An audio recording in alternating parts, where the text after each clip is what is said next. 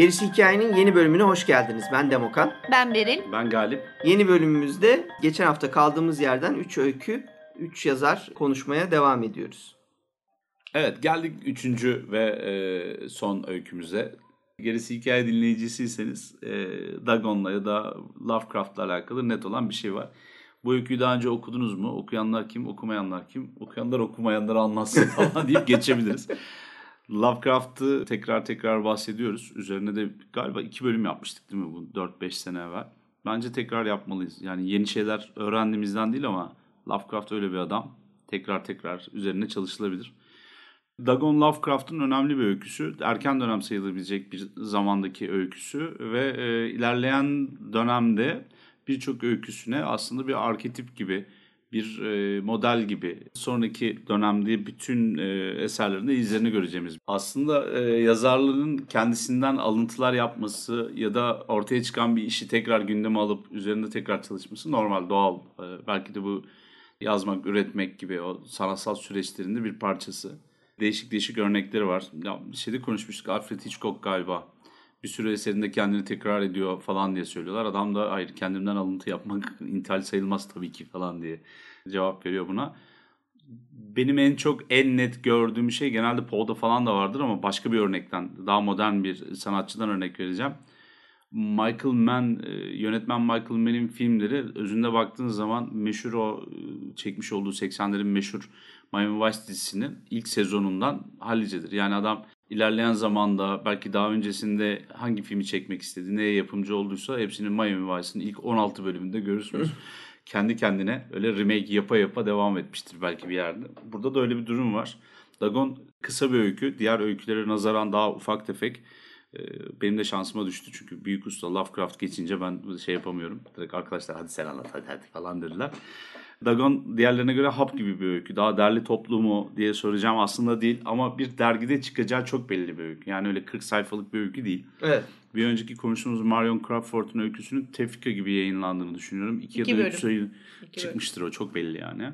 Cılman'ın öyküsü de iddialı bir e, sayıda çıkmıştır diye tahmin ediyorum. Uzundu çünkü o da. 20-30 sayfası var galiba. 25 sayfa falan evet. Yani az değil bu rakamlar yüksek. O dönemin dergilerinde böyle hani daha sıkışık nizam yapıyorlar falan hani puntolar daha düşük oluyor falan diye düşünüyorsunuz. Hala çok. Hala çok. E, Dagon bu şeylerin dışında daha kısa bir öykü. Kitabi olarak kaç? 8 sayfalık bir öyküye tekabül ediyor. Daha derli toplu bir öykü. Dagon'da neyi görüyoruz? Aslında Lovecraft'ın sonraki çalışmalarında tekrar tekrar gündeme getireceği bazı temel şeyler var. Birincisi gizem ve mistizm var. Ee, ne demek bu? Herkes mistizm üzerinden anlatıyor ya da herkes bir gizemi e, ifşa etmeye çalışıyor korku hikayelerinde. Fakat kimse Lovecraft gibi yapamıyor. Çünkü Lovecraft daha evvelinde kendisinden önce gelen örnekleri çok iyi etüt etmiş. E, kendine ait bir yorumu olan ve kendi dönemini de çok yoğun yaşayan birisi. 1917'de kaleme aldığı bu öyküde 19'da yayınlanıyor. Tam o zamanının henüz böyle dünyanın keşfedilmemiş bir yerlerinin bulunduğu Ondan sonra denizlerden gelen tehlikeler, Pasifik ya da hani Güney denizlerinin tekinsizliği, Antarktika bulunmuş, keşfedilmiş ama yani korkunç bir şey bekliyor bizi orada falan gibi bir his var.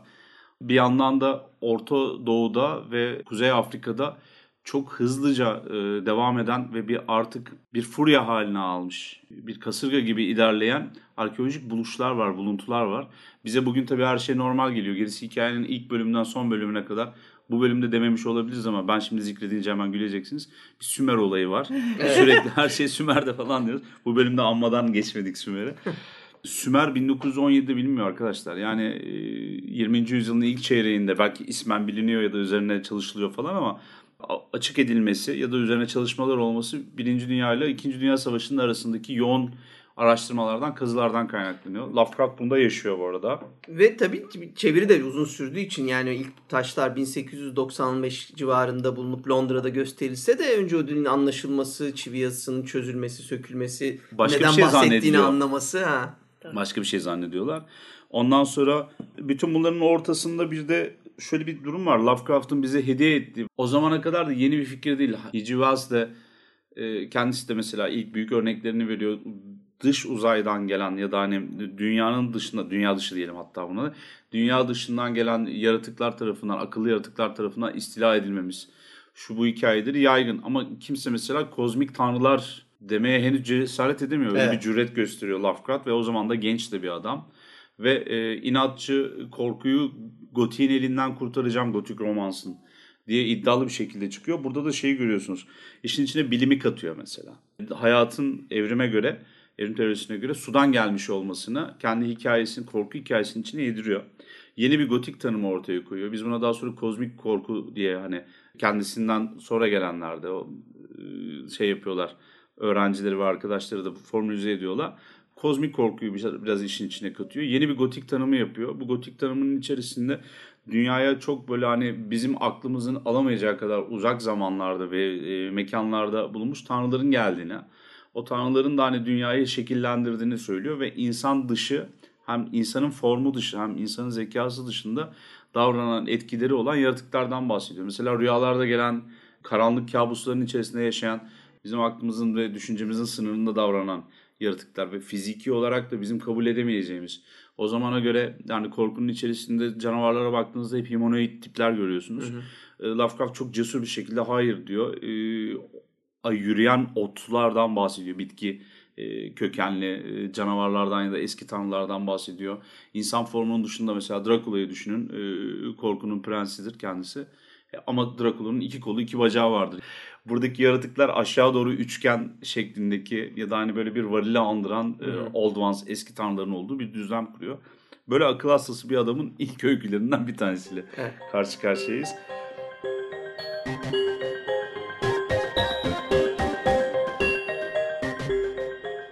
Şimdi ben hani özet geçecek olursam denizcinin Alman savaş gemisinin saldırısı sonucu Sandal'la gemisinden kaçması engin denizde kaybolup yolunu bulamayıp normalde orada olmaması gereken bir kara parçasında kendini bulması ve burada aklının almayacağı bir ırkla burun buruna gelmesi ve hatta Tanrı'yla evet. e, diyelim. E, hikaye bunu anlatıyor. Şimdi burada benim en e, hoşuma giden şey pek çok tabii ki e, mitolojik öğeyi görebiliyorsun aslında. Hmm. Ee, şimdi mesela Dagon'dan bahsediyoruz. Zaten sonunda da söylüyor. İşte balık tanrı Dagon e, diyor. Bu zaten aslında Filistin'den gelme bir e, tanım. Hı hı. Fakat e, İncil'e de geçiyor. E, fakat İncil'e geçmesi tamamen yanlış anlaşılarak geçiyor. Çünkü aslında Dagon e, kökleri e, Mezopotamya'ya uzanan hatta Babil Akat'taki Apkallu benzeri hı oradan zaten balık benzetmesi geliyor. Ee, Babil Akat diyorum Sümer'deki Apkallılardan al. Hı hı. Ee, Babil Akat'taki işte bu bereket tanrısı. Tarım ve bereket. Tarım ve bereket tanrısından uzanan bir tanımlama hı hı. işin açıkçası. İncil'e geçerken tabii hem şeytanileşiyor bir anlamda hem de yanlış bir tarifle e, geçiyor. Çünkü bugün mesela bayağı bir Dagon'u araştırdım. Hatta Dagan olarak da e, geçiyor e, pek çok şeyde izi var. Pek çok inanışta, mitolojide izi var. Fakat tabii bir kısım araştırmacılar hala üzerine tartışıyor. Yani bu Babil Akat'taki Dagan mıdır yoksa Sümer'den Abgallu'dan mı alınmadır veya Abgallu e, diyoruz buna. E, çünkü onlar da şey olarak tarif ediliyor ya işte yedi e, bilge olarak tarif edilen ve işte üstü adam altı balık şeklinde balık insan olarak tarif ediliyor kimi yerde. Hı hı. E, şimdi bunun zaten daha henüz ortak bir karar yok ama birkaç tane tanım var. Yani e, birkaç tane inanışta görebiliyoruz bunu farklı tanımlarla bu tanrıyı. Fakat dediğim gibi şeye geçerken e, Hristiyanlıkta bu daha e, şeytanileştiriliyor. Ve bugün geldiğimiz noktada tarifi de birkaç yerden toplama gibi görünüyor. Ben Dagon'u size e, eski ayeti yine getirdim. Bir oradan Dagon nerede geçiyor onu göstereyim istedim. Çünkü e, genel olarak Bible'da şöyle Bible'da böyle diye İngilizce metinler söylese de aslında Bible'ın yeni Bible'da yok. Eski ayet. Eski ahitte mevcut. Dagon yani Yahudiler de var olan bir şey. Tevrat'ta var yani. Tevrat'ta var. Şeye geçmemiş aslında. Yeni ayetin bir yerinde yok. Eski ama ona bir bütün olarak inananlar da olduğu için tabii evet. eski ayet, yeni ayet hep Aha. beraber kutsal kitap. Orada Öncelikle hakimler 16'ya 23'te Berlin dediği Filistin meselesi geliyor. Filist beyleri, ilahları Dagon'un onuruna çok sayıda kurban kesip eğlenmek için toplandılar. İlahımız, düşmanımız Şimşon'un, Samson burada Şimşon olarak bu kitapta çevrilmiş, elimize teslim etti dediler diye bir yerde geçiyor. Daha sonra e, Samuel'de 5'te Filistinliler Tanrı'nın sandığını ele geçirdikten sonra onu Ebenezer'den, burada da Ebenezer, Aha, Ebu Nezer. e, Ebenezer'den Aşdot'a götürdüler. Tanrı'nın sandığını Dagon tapınağına taşıyıp Dagon heykelinin yanına yerleştirdiler. Ertesi gün erkenden kalkan Aşdotlular Dagon'u Rabbin sandığının önünde yüzüstü yere düşmüş buldular. Dagon'u alıp yerine koydular. Ama ertesi sabah erkenden kalktıklarında Dagon'u yine Rabbin sandığının önünde yüzüstü yere düşmüş buldular. Bu kez Dagon'un başıyla iki eli kırılmış eşiğin üzerinde duruyordu. Yalnızca gövdesi kalmıştı. Bakın gittikçe heyecanlanıyor. Dagon kahinleri de Aşdod'daki Dagon tapınağına bütün gelenler de bu yüzden bugün de tapınağın eşiğine basmıyorlar diye geçiyor. Ve son olarak da tarihlerde ona onda Saul'un silahlarını ilahların tapınağına koyup başını Dagon tapınağına çaktılar diye. Yani hem tanrı figürü olarak kullanıyor hem tapınak olarak da bir yerde bulunduğu e, bu kutsal kitapta Aşdod. Tevrat'ta Evet. geçiyor Dagon figürünün. Şimdi hem geçmişteki benzetmeleriyle hem de kutsal kitaptaki yeri itibariyle bir kere bence benim en sevdiğim özelliklerden biri tarihi ve dinler tarihini ve fantaziyi hep bir arada harmanlayıp öykülerimizde kullanmak bir kere zenginlik katıyor. Kesinlikle. Çünkü bunlar insan hikaye kültürünün kökleri bunlar. Ve e, ancak belirli bir e, araştırma, bilgi, görgüden sonra siz bunları doğru amaçlarla, doğru şekillerde kullanırsanız aslında o zenginlik güzelleşiyor. Edebi güzelliğin, dil güzelliğinin yanı sıra. Ve Lovecraft'ta biz bunu görüyoruz. Yani korkunun bugün hala hep konuştuğumuz edebiyattan sayılmamasa saçmalığı gibi türe göre edebiyatı belirleyip belirlememe meselesinin en çok acılarını çeken isimlerden 19. yüzyıl sonu 20. yüzyıl başında ama bunu önemsemeyip hatta işte kültürüyle, görgüsüyle, bilgisiyle e, müthiş eserler vererek yıkan isimlerden e, yani daha doğrusu o yıkımı başlatan e, edebi değerinin ortaya çıkartacak olan bir isim Lovecraft. Ha ne oluyor? O tabii bunu asla göremiyor ve anca e, 20. yüzyılın son günlerinde e, Amerikalılar onu kütüphanelerine alma lütfunda bulunuyorlar da e, öykülerini o sayede ciddiye alınıyor ama o günden beri sadece edebiyatımızı değil, dünya edebiyatını, korku edebiyatını değil aynı zamanda dünyanın felsefesini bile şekillendirmiş, çok acayip e, yerlere götüren bu kozmik korku meselesini bütün düşün hayatımızda yeniden varlığımızı sorgulamaya bizi iten bir düşünsel yapının altını e, oluşturan bir isim. Dagon da Galip'in dediği gibi ilk öykülerden ve bu Kutulu mitosu denen bir devasa öyküler, hikayeler bütününün ilk basamaklarından biri.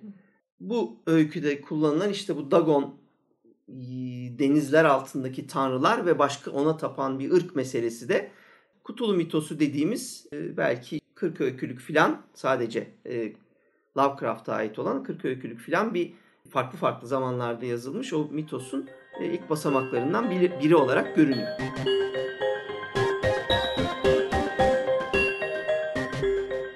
Şimdi hikayeden bahsetmedik tabii. Ortadan böyle karı kucak girdiğimiz için o birazcık kaldı. Beril de birazcık e, açıkladı ama şey yapmadık, akışsız bahsetmedik. Dagon hikayesi ne anlatıyor?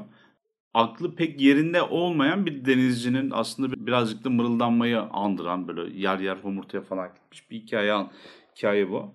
Bizim şeydi kahramanımız bir denizci ve hangi bölgede olduğunu bakacağım. Pasifik Okyanusu'nda bir posta gemisinin içerisinde e, çalışan şey, bir e, denizci bir Alman savaş gemisi tarafından yakalanıyor yani durduruluyor. Savaşın e, 1917-19 olduğuna göre Birinci Dünya Savaşı'nda koca İlk Pasifik başları daha güçlüken Evet. Almanlar öyle bahsediyor ya. ya başları ama şey de var. Nedir o? Pasifik'te ne arıyorlar kısmını bir düşündüm ama diyecek bir şey yok. Yani hikaye bu ya. Bir Alman gemisi tarafından ele geçiriliyor. Ondan sonra bize o kadar e, serbest bırakmışlardı ki kendi halimize bir yolunu buldum. Yiyecekle beraber e, bir tekneye kendime attım. O can kurtaran şeylerinden biri, filikalardan biri. Kaçtım diyor. E, daha sonra tabii yolunu kaybediyor ve Pasifik Okyanusu'nda savrulmaya ya da hani serbest Sürüklenmeye. sürüklenmeye başlıyor. Ne yapacağını bilemez haldeyken falan derken bir, daha sonra biri açıyor gözünü bir bakıyor karaya oturmuş. Çok sığ bir suyun üzerinde kapkaranlık bir alanda gündüz olduğu halde hani böyle e, geceymiş gibi değil de hani alacakaranlık bir halde bir balçık gibi bir şeye saplanmış vaziyette ve korkuyor. Orada bir iki gün üç gün geçiriyor ve daha sonra bir fark ediyor ki hani orada da uzun uzun anlatıyor. Sanki hani denizin dibinden bir anda çıkmış gibi orada ölmüş yaratıklar balıklar var falan. Öyle bir toprak parçasının üzerindeyim. Ne oldu belli değil. Uzakta bir dağ görünüyor gibi. Evet tam olarak şey var. Ayıkken farkında değil bunun ama bir ara uyuyor. Uyandığında kendini ucu bucağı görünmeyen bir devasa bir kara parçasının üstünde buluyor. Yani zaten çok garip bir durum. Tekinsiz bir durum var yani. Evet. Ve bir de beline kadar e, Balçağa göm- batmış. balçağa batmış. Yani normal bir toprak parçası değil. Değil. Değil. değil. Yani henüz o Bir de okyanus gibi yok. okyanusun dibinde. Ha, evet Bir de okyanus okyanus görünmüyor. dalganın sesi bile yok. sanki Öyle bir acayip. okyanusun, okyanusun yerini sanki o balçık almış gibi. Çünkü zaman içinde bir de kuruyor o. Tabii o kendi içerisinde zaten kafasında o kurguluyor da hani diyor ki alttan bir şey çıktı galiba ben de böyle bir şey geldim. Şu oluyor bu oluyor. İki gün üç gün geçiriyor. Daha üzerinde yürünebilecek bir hal alıyor o bu balçık. Ondan sonra gemi, kendi teknesini de terk ediyor. Ondan sonra da atlıyor şeye doğru gidiyor. Orada bir tane tepe var. Tepeye doğru gidiyor. Tepeye gittiğinde de e, etrafı işte anlatıyor. Şöyle oldu böyle oldu. Böyle yaratıklar var. Ölmüş tabii sudan çıkmış bunlar. Ondan sonra şu buydu falan. İleride bir tane monolit görüyor. Tek bir taş. O taşı çok severler bu arada. Buradaki taş ama iki tane manaya da geliyor bir yandan. O Paskalya Adası'ndaki o dikit taşların anlatıldığı gemici, e, denizcilerin günlüklerini büyük bir zevkle okuduğu için Lovecraft vaktinde e, özellikle üstünde duruyor. O da mistik görünmez eski tanrılara ithaf edilmiş şekline geliyor. Bir de tabii kendi tarafında da hani kendi kökeninde o, o kurguladığı o şeyi e, İngiliz kökenini de mesela onlarda da dikili taşlar, o gallik şeylerde falan e, çok yaygın. Bu nedenle hani onların ikisinin arasında bir korelasyon kurarak böyle bir taş şey gösteriyor. Daha antik ve korkunç bir şeymiş gibi izah ediyor. Bu izahlarla biz bunu net bir şekilde anlıyoruz ama monolit deyince çoğunlukla insanların aklına hemen 2001 falan gelir e, uzay macerası. Oradaki bir monolit gibi basit düşünmeyin. Ona bu anlattığı şey ona da benziyor olsa dahi atıyorum o Avustralya'daki o Kızıl Dağ da tek başına bir tane ünlü çölün ortasında Ha. bir tepe vardır ya o da monolittir. Yani monolit bir doğa şekli de aslında olabilir. Evet. Yani o tek parça bir kaya olması önemli olan. Evet. Ama burada biz biraz daha detaya giriyoruz. Tabii yontu var çünkü burada. Üzerinde yani şekillendirilmiş belli ki bir zeka tarafından elden geçirilmiş bir akıllı bir şey var. Üzerinde yazılar ve şekiller görüyor. Figürler var falan gibi. Ama figürlerde de bir tuhaflık görüyor. Mesela e, vücudu insana benzeyen ama kafası ve pençeleri perdeli işte hani parmaklarının arası bir tane yaratık görüyor mesela. Kafası bir balık kafası. Ondan sonra ne olduğunu anlamıyor ama bir tuhaflık var. Neden? Çünkü yanında o bildiğimiz o dev balinalardan bir tanesinin yanında duruyor. Neredeyse aynı boydalar falan gibi. Devasa bir yapıda ya olur mu öyle şey falan diye kendi kendine şey yaparken daha sonra birden o e, alt taraftan bir şeyin dalgalandığını görüyor ve kayanın dibinden o su birikintisi gibi bir şey var. Oradan bizim o canavarımızın çıktığını o taşın üzerindeki canavarın çıktığını görüyor ve çok da e, efsane bir Lovecraft lafıyla bitiriyor. İşte o zaman delirdim diye. Evet. Ondan sonra da çünkü adam deli yani o ana kadar anlattığı şeyler. Tabii Lovecraft'ın olayı çok heyecan verici bir şekilde anlatıyor olması. Hiç şakalara falan sapmaması. Son derece ciddi, aklı başında bir adamın böyle tane tane tertemiz anlatarak delirmesi sizin gözünüzün önünde. Tertemiz delirmiş yani. Evet tertemiz deliriyor. Seviyorum o lafı. Ee, bu da aslında bize şey gösteriyor. Süblim hikayesini gösteriyor. Yani Goti'nin temelindeki o korkuyu yaratan e, şeyle görkemli e, insanüstü şeyle karşılaştığında insan içindeki korkuyu dehşeti yaratan duyguyla o tanımla ele alıyoruz. O zaman gerçekten diyorsun ki bu neogotik ve aynı zamanda da Lovecraft'ın anlattığı kozmik korkunu yarattığı süblim duygusu. Zaten onu delirmeyle de böyle izah ediyor. İşte bağıra çağıra kendi kendine konuşarak falan oradan yani kendini aslında aklına mukayyet olmaya çalışarak bir yerde teknesine doğru kaçarak geliyor. Sonra bir şekilde denize açılıyordu ama o kısmı şey yapmayayım. Daha sonra bir açıyor gözünü kendini San Francisco'da bir hastanede e, buluyor ve bu hikayesini ufak ufak anlatıyor gibi.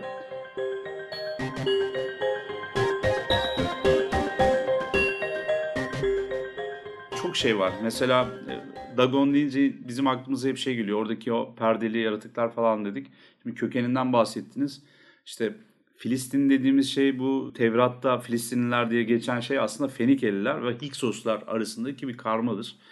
E, ve e, Fenikelilerimiz Dagon adında bir tanrısı olduğunu biliyoruz. Ama Dagon'un mesela balıkla ilişkilendirilmesi hakikaten Babil zamanından bir çeviri hatası gibi e, düşünülüyor Belin dediği gibi de. Aslında bereket tanrısı ama balık bu işin neresinde o kadar belli değil. 7 ile 12 arasında Abgal var diye anlatılır. Evet. Balık formunda ya da kıyafetinde böyle kafasında yani bir balığın ağzından kafası çıkmış gibi. Daha sonra Yunus peygambere dönüşecek o tanrı figürü.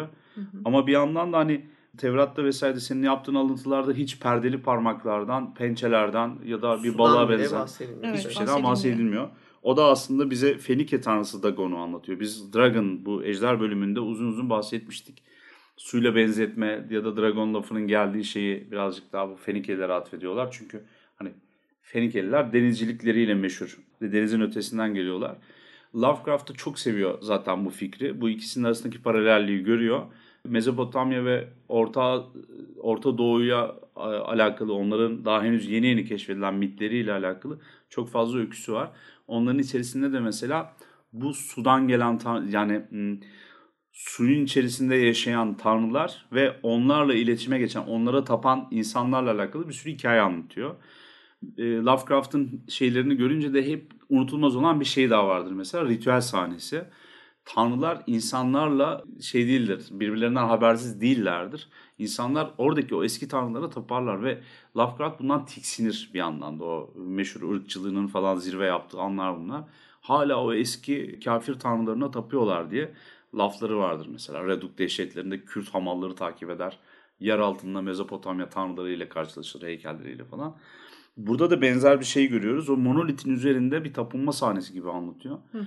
Biz Dagon'u şey gibi yani Dagon deyince mesela okuyanlar bile herkes diyor ki yani balık kafalı perdeli humanoid bir yaratık değil mi? Öyle fakat apartman kadar bu. Yani onun sıkıntısı o. Biz hepimiz normal insan boyutunda diye hatırlarız mesela belki. O da Innsmouth e, üzerine düşen gölge hikayesindeki o Dagon tanrılara tapan ve onların geniyle onlarla birleşip çoğalan yarı dagon yarı insansılardan kaynaklanan başka bir yanılgı gibi söyleyeyim.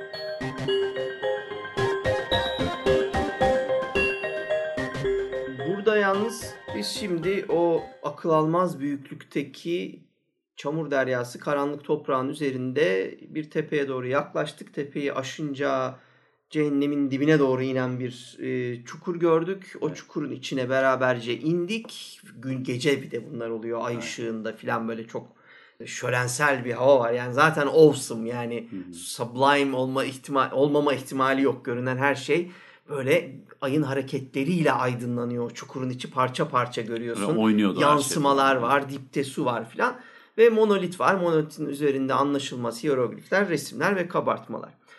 Biz şimdi bunları gördükten sonra da karşımıza devasa bir canavar çıkıyor. Ama bu tabii bir insanın gözünden anlatılan kısım devasa canavar. Yani o balina avlayan hı hı. yaratık. Ben şahsen bu yaratığın Dagon olmadığını ve Dagon'a tapan orada anlatılan o zaten şeyin üzerinde de kendilerini resmetmişler. Dagon'a bir şeyler bırakırken işte balina avladık. Al sana balina kıvamında hı hı. o hikayenin öğelerinden biri. Yani Tanrı'nın kulu o dönemin su altı yaratığı bir şekilde günümüze kadar var olmayı başarmış tek bir yaratık ama devasalığıyla şeyi eşleştiriyoruz. Çünkü e, tanrısallığı biz eşleştiriyoruz evet. doğal olarak. Çünkü Lovecraft da bunu yapıyor. Onun evet. tanrıları hep böyle inanılmaz büyüklüklerdeler. Fakat buradaki karakterimiz e, bizim adamımızı delirten o tapınan kullardan biri. Geriye kalmış bir varlık, bir canavar olarak da görebiliriz onu.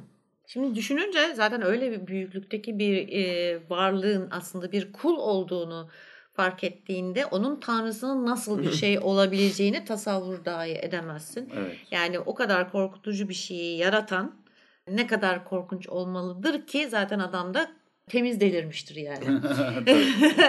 Şimdi e, aslında burada birazcık da tabii hem senin dediğin gibi e, xenofobisi biraz burada ön plana çıkıyor. Yabancıdan korkmak, e, gözün alışık olmadığı ya da hatta zihnin alışık olmadığı bir varlığı tasavvur etmek aslında o adam için mümkün dahi değildir. Delirmesinin sebebi de Açıkçası budur. Burada da mesela bu hikayede de şey var.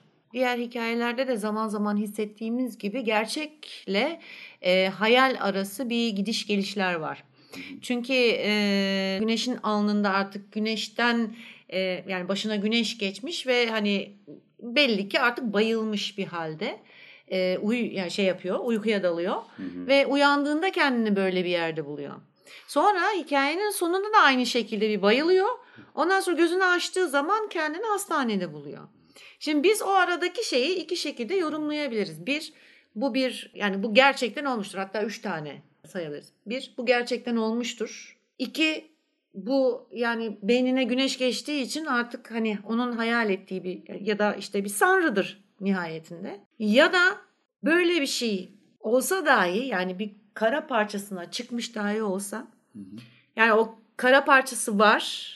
Belki o monolit de var ama geri kalan şeylerin hepsi kendi hayali de olabilir. Olabilir. tabii. Yani bir çevreyi aslında kendi e, sağlıksız düşüncesine göre şekillendirmek, ona bir yabancılık atfetmek veya olağanüstülük atfetmek gibi. Hı hı.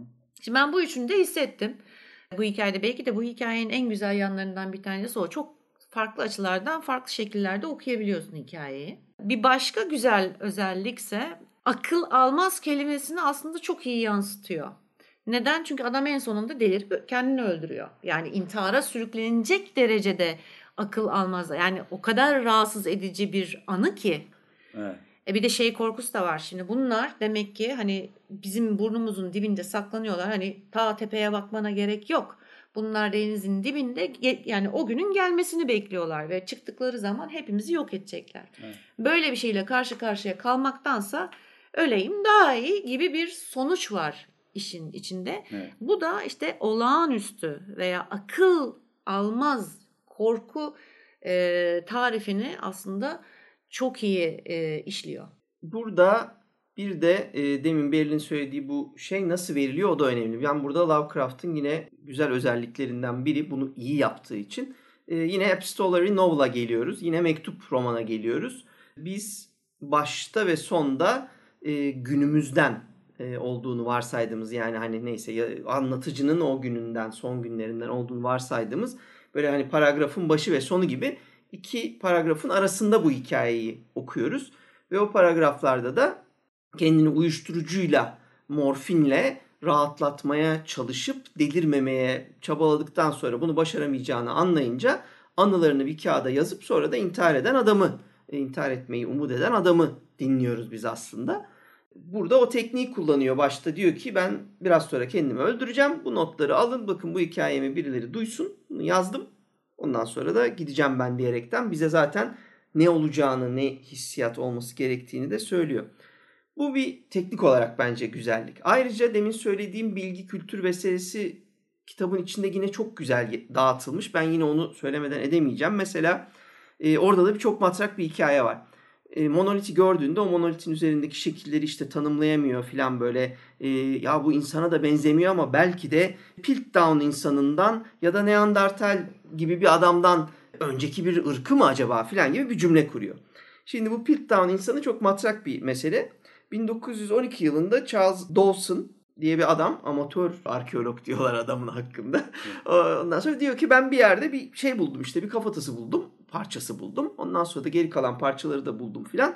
Bu galiba insanla maymun arasında evrimsel olarak işte aranan o geçiş adamı filan gibi bir iddia.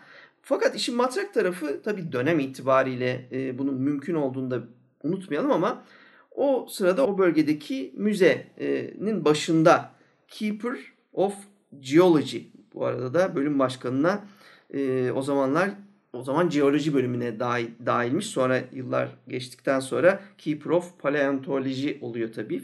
Fosil bilimiyle ilgilenenler.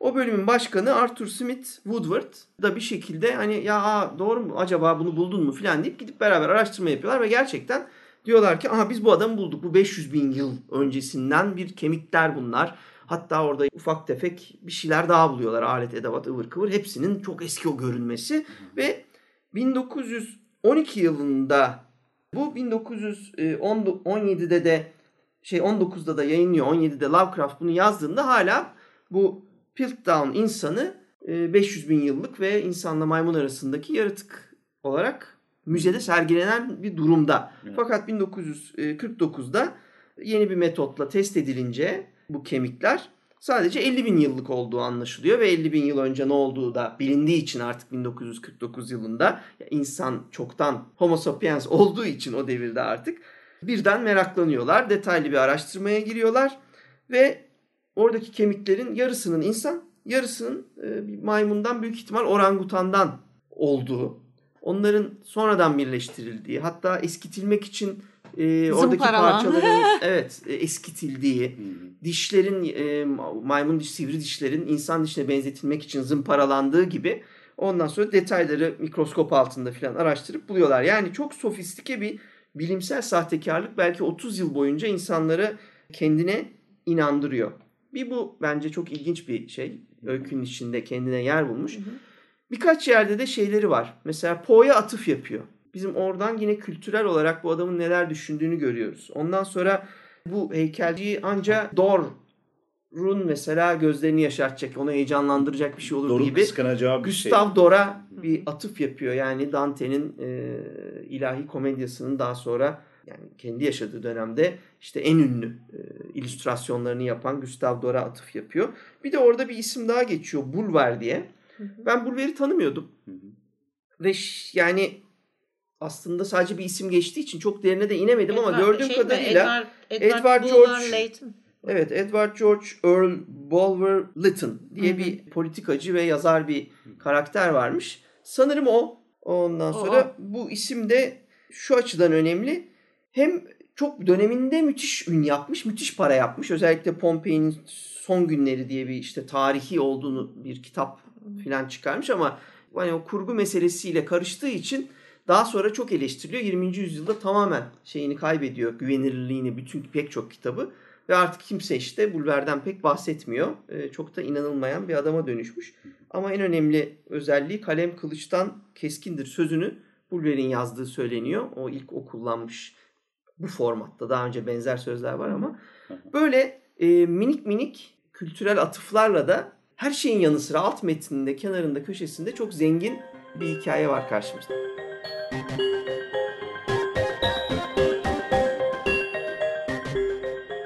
Lovecraft aslında dönemiyle, döneminin gündem ve günceliyle özellikle bilim tarafıyla çok ilgili ve bunlardan da çok ilham alan bir kişi. İşte hani Binbir Gece'yle bu arkeolojiyi buluşturan, ondan sonra e, eskinin kadim canavarlarıyla evrim teorisini buluşturan, ondan sonra canavarları ya da geçmişi denizcilik çağındaki, o keşifler çağındaki e, karşılaşmalarla anlamlandıran e, bir tuhaf bir şey var, kafa yapısı var. Ama bunun ötesinde de bir şey görüyoruz yani. Lovecraft üzerine konuşulacaksak Lovecraft'ın çok heyecanlı bir adam olduğunu görüyoruz. Çok kültürlü ve çok heyecanlı bir adam olduğunu görüyoruz. Daha dediğin gibi e, ne olup bittiğine bakmadan mesela hemen onları bir gerçek olarak kabul edip hikayeleştirmeye başlıyor. Bir sürü yerde böyle var. Ön kabuller daha sonradan birazcık başını yakıyor ya da ismini karalıyor ama çok diyecek bir şey de yok. Adam böyle hissetmese bu kadar yoğun anlatımlara imza atamazdı bence. Hı hı. E, iyisiyle kötüsüyle kabul etmemiz gereken bir adam var ya da kabul etmememiz gereken bir şey var. En sonunda da tabii çok dev bir huku var. Tam tam bir dergi yazarı yani. Son saniyeye geldiği zaman ah pencere o eller kendimi öldüreceğim falan derken canavar o odaya giriyormuş gibi. Böyle hani bir çığlık çığlığa bitiriyor. Onda da Lovecraft'ı ilk okurken ben e, daha 20 yaşında bile yoktum herhalde o zaman ilk çevirilerinde. Şey demiştim bu ne kadar çok korkan bir adam ya demiştim. Yani böyle hikaye anlatırken bu kadar korkuyorum sen de kork sen de kork demesi evet. körün gözüne parmak demek oluyor. Sen hikayeyi anlat da biz korkarız abi demeye getiriyor. Yani e, ki atar bunu da başarıyor. Yapmış, ona da atar yapmış. Ama çok kızıyordum böyle hani gölgesinden korkan bir herif falan gözüyle bakıyorduk. Ama şey de var yani e, şu kaliteyi de yatsımayalım. Dar açı gibi görünen geniş açı gibi tabirler adamlar beynime soktuğu için nasıl yani falan deyip kalıyordum o süblim davasını anlatırken o görkemi işte Real çıkan o Call of Kutulu şeyinde sahnesinde. Hı hı. Yani o yer altında bir anda... Tünelin içindeki diyorsun. Evet, evet. Tramvay gibi şey gibi, metro gibi gelen evet, canavarlar. Evet. Bu, o da değil sadece. Yani aslında bütün hikayelerin içerisindeki o yamuk yumuk çarpık geçmişe ait ama aynı zamanda modern aynı zamanda böyle şey ve ıslak o tasvirler tamamen yerine oturduğu zaman eyvallah kabul ediyorsun. Ama karakteri diyor ya ben delirdim, şöyle delirdim, böyle delirdim. İşte hani insanın en büyük e, zihninin lütfu unutabilmesidir falan diye hikayelere başlıyor. Evet. Hani o sadece duyguyu yükseltmiyor. Bir yerden sonra çok heyecanlı ya bu. Sanki orada böyle abartı abartı anlatıyor. Tabii herkesi yakalayabilir bu. Birçok insan mutlu olabilir ama beni rahatsız ediyordu. Yani kork kork kork kardeşim korkman lazım falan deyince biri ne diyorsun diyorum. Sen biraz önce diyordun yani ikna olmadım Evet. ben bu herifin anlatısına diye. Ben de öyle hissediyordum ama beni ikna ettiği başka yönleri var. Korkmadım ki. Şey ama işte bak çok güzel bir şey. Bence bak bu çok önemli bir şey. Arkadaşlar bazı şeyleri tekrar okuyun. Bazı şeyleri gençken okuduğunuz şeyleri yeniden okuyun lütfen. Ha, bu arada ben Çünkü- gençken Onu zaten- diyorum. Anlattın Tabii. onu işte. Aynen o öyle. 17 Gençken ben onu tabii, keşfettiğim için Lovecraft'ı Aynen öyle. İşte bu onun güzel örneği. Çünkü bazı şeyleri anlamamız için belirli bir kültüre erişmemiz, belirli bir yaşanmışlığa erişmemiz gerekir. Şimdi Lovecraft'ın bu tekniği özellikle o dönemde bugün yine hala çok ikna edici gelmeyebilir size ama o dönemde çok önemli bir şey sağlıyor. Siz canavarın ne olduğunu söylerseniz o canavardan korkanlar da olabilir, korkmayanlar da olabilir, inananlar olur, inanmayanlar olur. Oysa aklınızın almayacağı bir şey gördüm. Onu yeniden cümlelere sokmaya dilim varmıyor filan gibi tanımlamalar insanın hayal gücünü serbest bırakan tanımlamalar. Yani içinizdeki potansiyel korku yaratığı ne kadar korkunçsa siz onu canlandırmaya çalışıyorsunuz bu Evet. tekniğin içinde. Evet. O size bir şey diyor.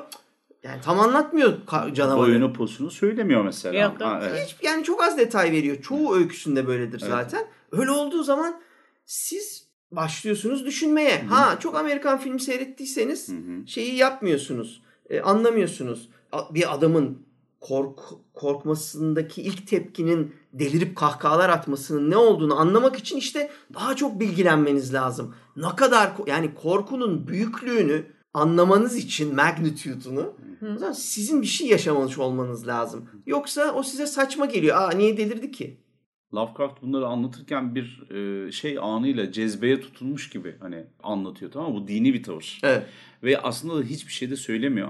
Ve e, bu yaklaşımı da araya atmış olduğu bilimsel şeyler, oltalar falan eyvallah ama yani çok yobazca yaklaşım. Zaten hani rahatsız edici tarafı da o. Aslında hiçbir şey söylemiyor. İşte hani muğlak laflar söylüyor. İşte sonsuz çağlar ötesinde ölüm bile ölebilir falan. Tamam güzel teatral da lirik olarak okey tutuyor. Ama hala bana söylemedin. Biz çünkü o dönemde şunu da karşılaşıyoruz. Lovecraft'ın hem birazcık yaşça küçük ama arkadaşı olan, mektup arkadaşı olan Robert E. Howard da kanı akıyor mu diyor mesela Conan'da. Yani orada bir antitez de söz konusu. Lovecraft'ın dile yani dile almaya, dile getirmeye bile çekindiği, ağzına almaya çekindiği canavar tipleri bilmem neler. Bak Conan'ın bayağı elinde kılıçla daldığını görüyorsunuz ve bunlar bir de çağdaşlar.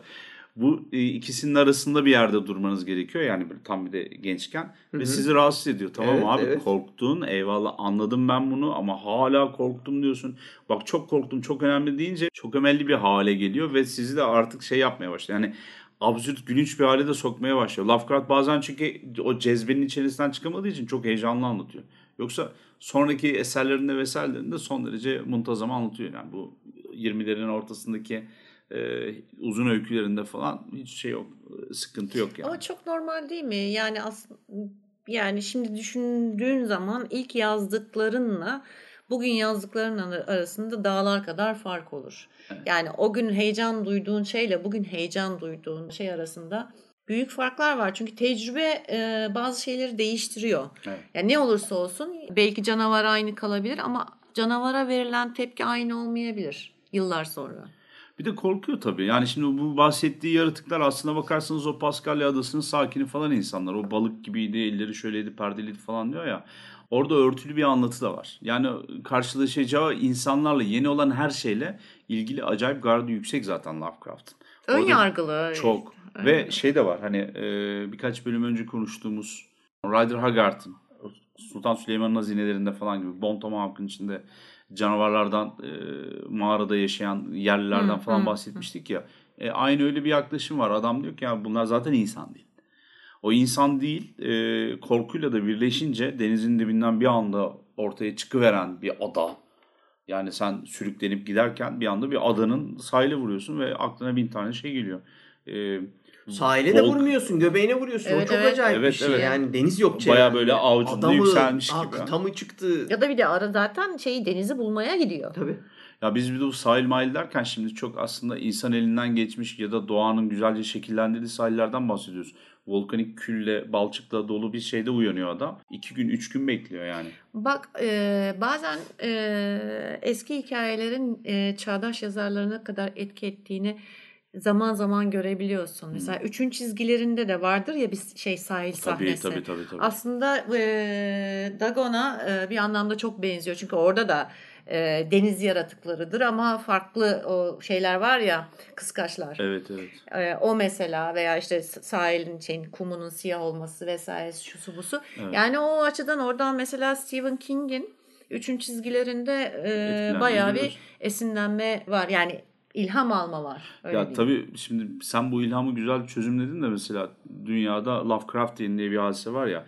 e, bu ne demek? Aslında bildiğiniz ahtapot e, tentacle o- o- uzuvları Evet. dokungaç olduğu zaman aa o zaman tamam kutulu Lovecraft vari diyorlar. Yani Lovecraft vari böyle olmuyor.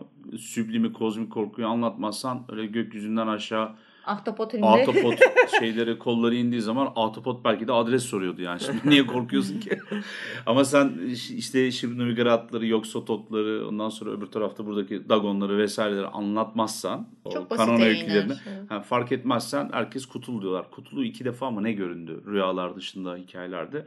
Ve ilginç olan da şu bildiğim kadarıyla Lovecraft zaten hikaye setini o mitolojisini Kutulu mitosu demiyor. Daha sonra o derletler falan söylüyorlar. Howard'lar söylüyor yani. Evet. Kutulu diyorlar. Bu en babası Kutulu'dur diyorlar. Ama öyle bir iddiası yok. Belki Lovecraft'ın. ondan büyüğü vardır. Var var. Anası babası var burada. Dedesi var. Değil mi yani?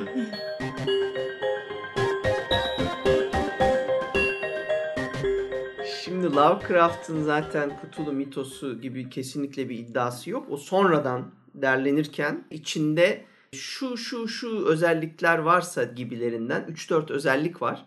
Onları takip edip onları bulup ondan sonra Cthulhu mitosuna o şekilde daha sonradan ekleniyor. Yani işte o e, tanrıların isimleri geçiyor mu? Yok Raylehti yok Cthulhu'ydu adı geçiyor mu? Mesela bu bir ifade şekli. İşte Evet. ya da deniz canlıları o varlıklar hem e, dokungaçlar hem Evet. parmak arasındaki perdeler, Perdeler. ıvırlar, kıvırlar o yaratıklar var mı? Okey onları da koyalım gibi. Böyle birkaç ya da o hayali şehirler oradaki ya da Miskatonik e, e, lafı geçiyor mu? Ya da işte birkaç tane daha o hayali şehir var ya onların adları geçerse Hı hı. o, zaman onları kutulu mitosuna koyuyorlar ve kozmik korkuya falan ayırıyorlar.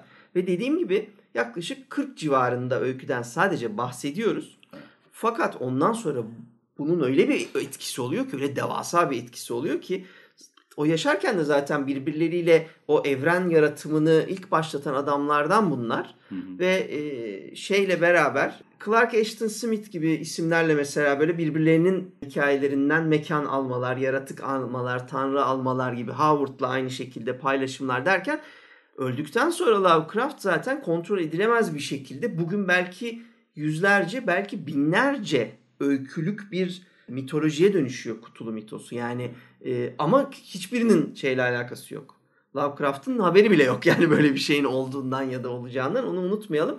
Bugün karşılaştığınız öyle her ahtapot e, Cthulhu Cthulhu'nun e, ürünü değil, şeyin Lovecraft'ın çocuğu değil.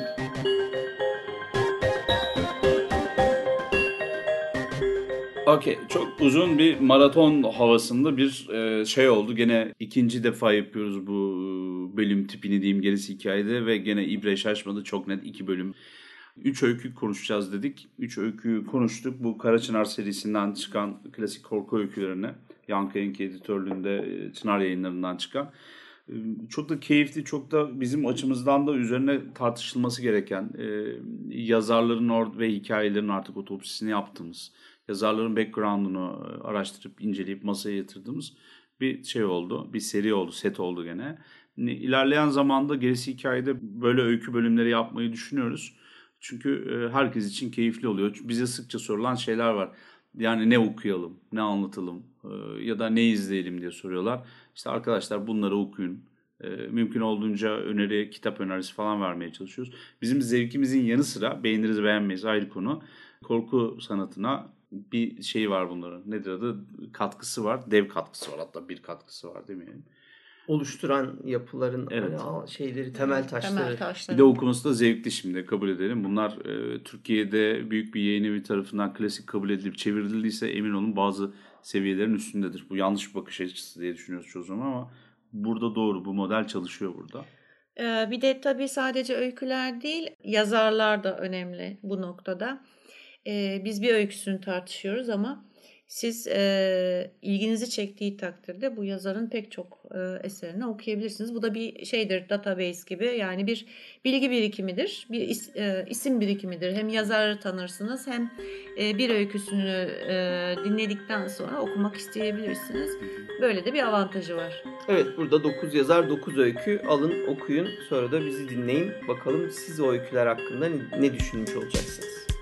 Hikayede bir bölümün daha sonuna geldik. Bizi dinlediğiniz için teşekkürler. Gelecek bölümlerde görüşmek üzere. Görüşmek üzere. Görüşürüz.